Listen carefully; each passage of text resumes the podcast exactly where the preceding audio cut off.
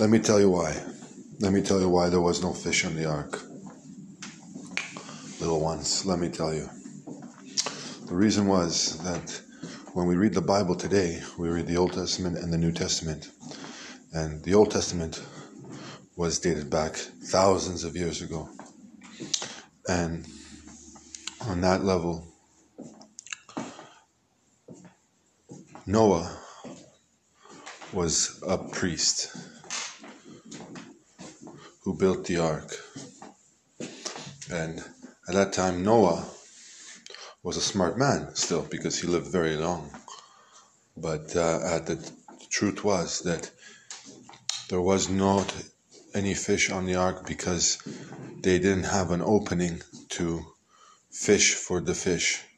They were completely locked inside of the ark so no water would get through. And the, eventually they are committed to Turkey.